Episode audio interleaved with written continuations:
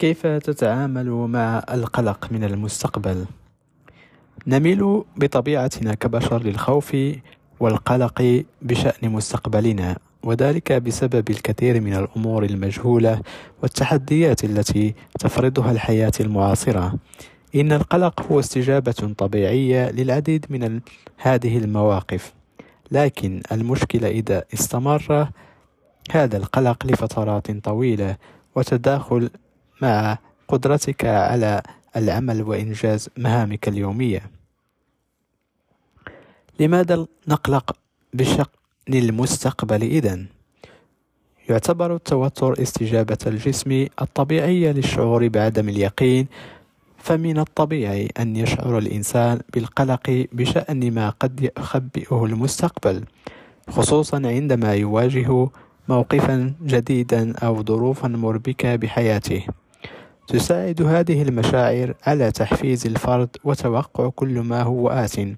لذا يكون هذا التوتر مفيدا بكمياته الصغيرة لكن عندما يصبح هذا التوتر مزمنا نبدأ في رؤية آثاره السلبية على الصحة النفسية والجسدية. وقد يساهم القلق الشديد في تجنب الأشياء التي تجدها مرهقة ما يؤدي إلى تفاقم الحالة.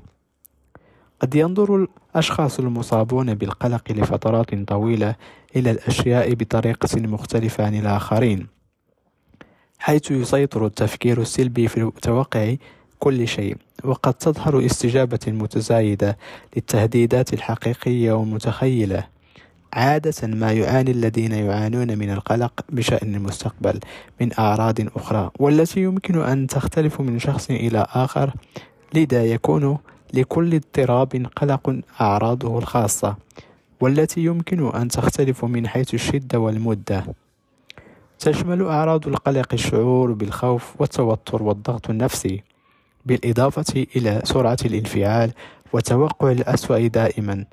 كما يعاني الشخص من أعراض جسدية مثل تسرع القلب وضيق التنفس والصداع والتعب العام وصعوبة النوم. والتعرق الزائد ورجفة اليد وتعتبر اضطرابات الجهاز الهضمي كالإسهال وتشنج القولون شائعة أيضا ما هي العوامل التي تساهم في حدوث القلق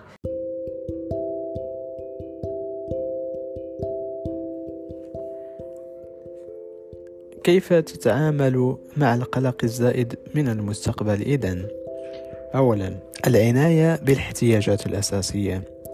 تبدأ الرعاية الذاتية الجيدة بالاهتمام ببعض الحاجات الأساسية للجسم. ينصح بالابتعاد عن مصادر التوتر إذا أمكن ذلك واتباع نظام غذائي متوازن مع التقليل من المنبهات والسكريات التي قد تزيد حالة القلق سوءا. كما ينصح بممارسة الرياضة بانتظام.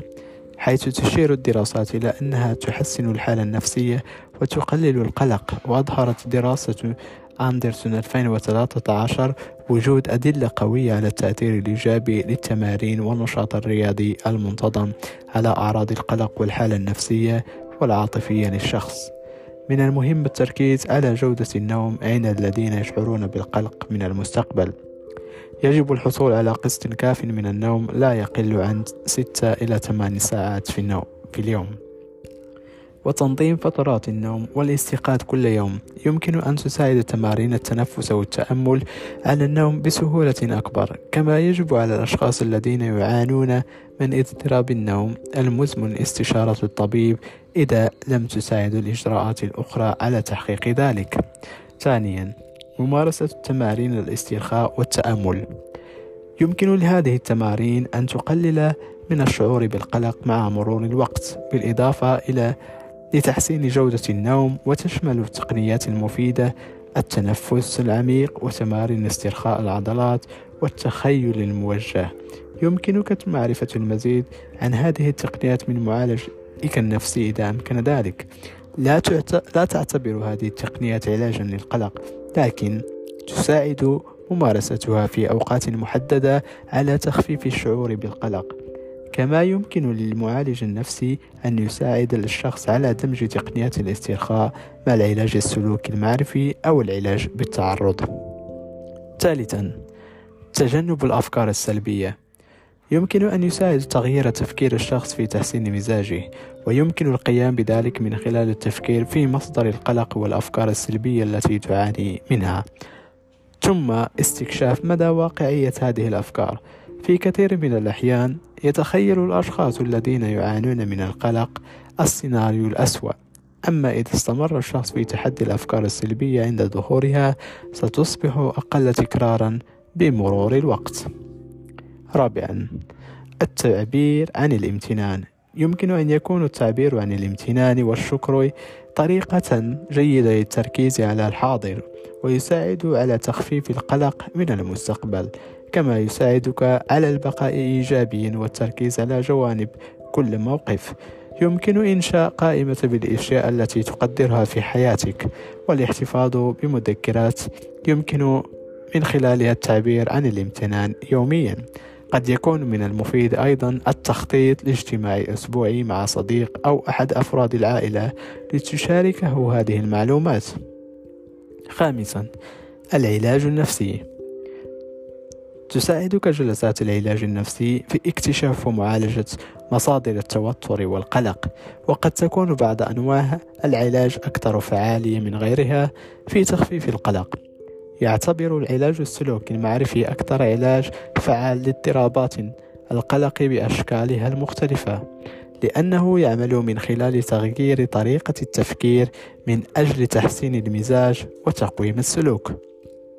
أثبتت آه، نتائج دراسة كاربنتر 2018 إلى التي أجريت على أكثر من 2800 شخص فعالية العلاج السلوكي المعرفي في تدبير القلق من المستقبل والأعراض المتعلقة به عند البالغين بالمقارنة مع تأثير الدواء الوهمي.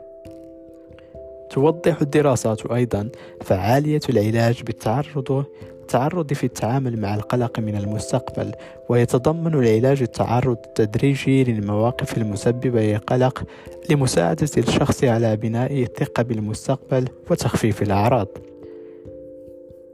يمكن القلق أو بالأحرى يعتبر القلق من آه، المستقبل جزءا طبيعيا من الحياة لكن قد يؤثر القلق الزائد سلبا على صحتك وحالتك النفسية. يمكن أن يساعد تعلم تقنيات تقليل التوتر والاسترخاء في السيطرة على أعراض القلق المزمن. كما تفيد التقنيات المعرفية مثل استبدال الأفكار السلبية والتعبير عن الامتنان في تحسين الحالة. ويمكن للاستشارات النفسية تقديم الدعم من خلال تعلم مهارات التأقلم الجديدة وخيارات العلاج النفسي المختلفة.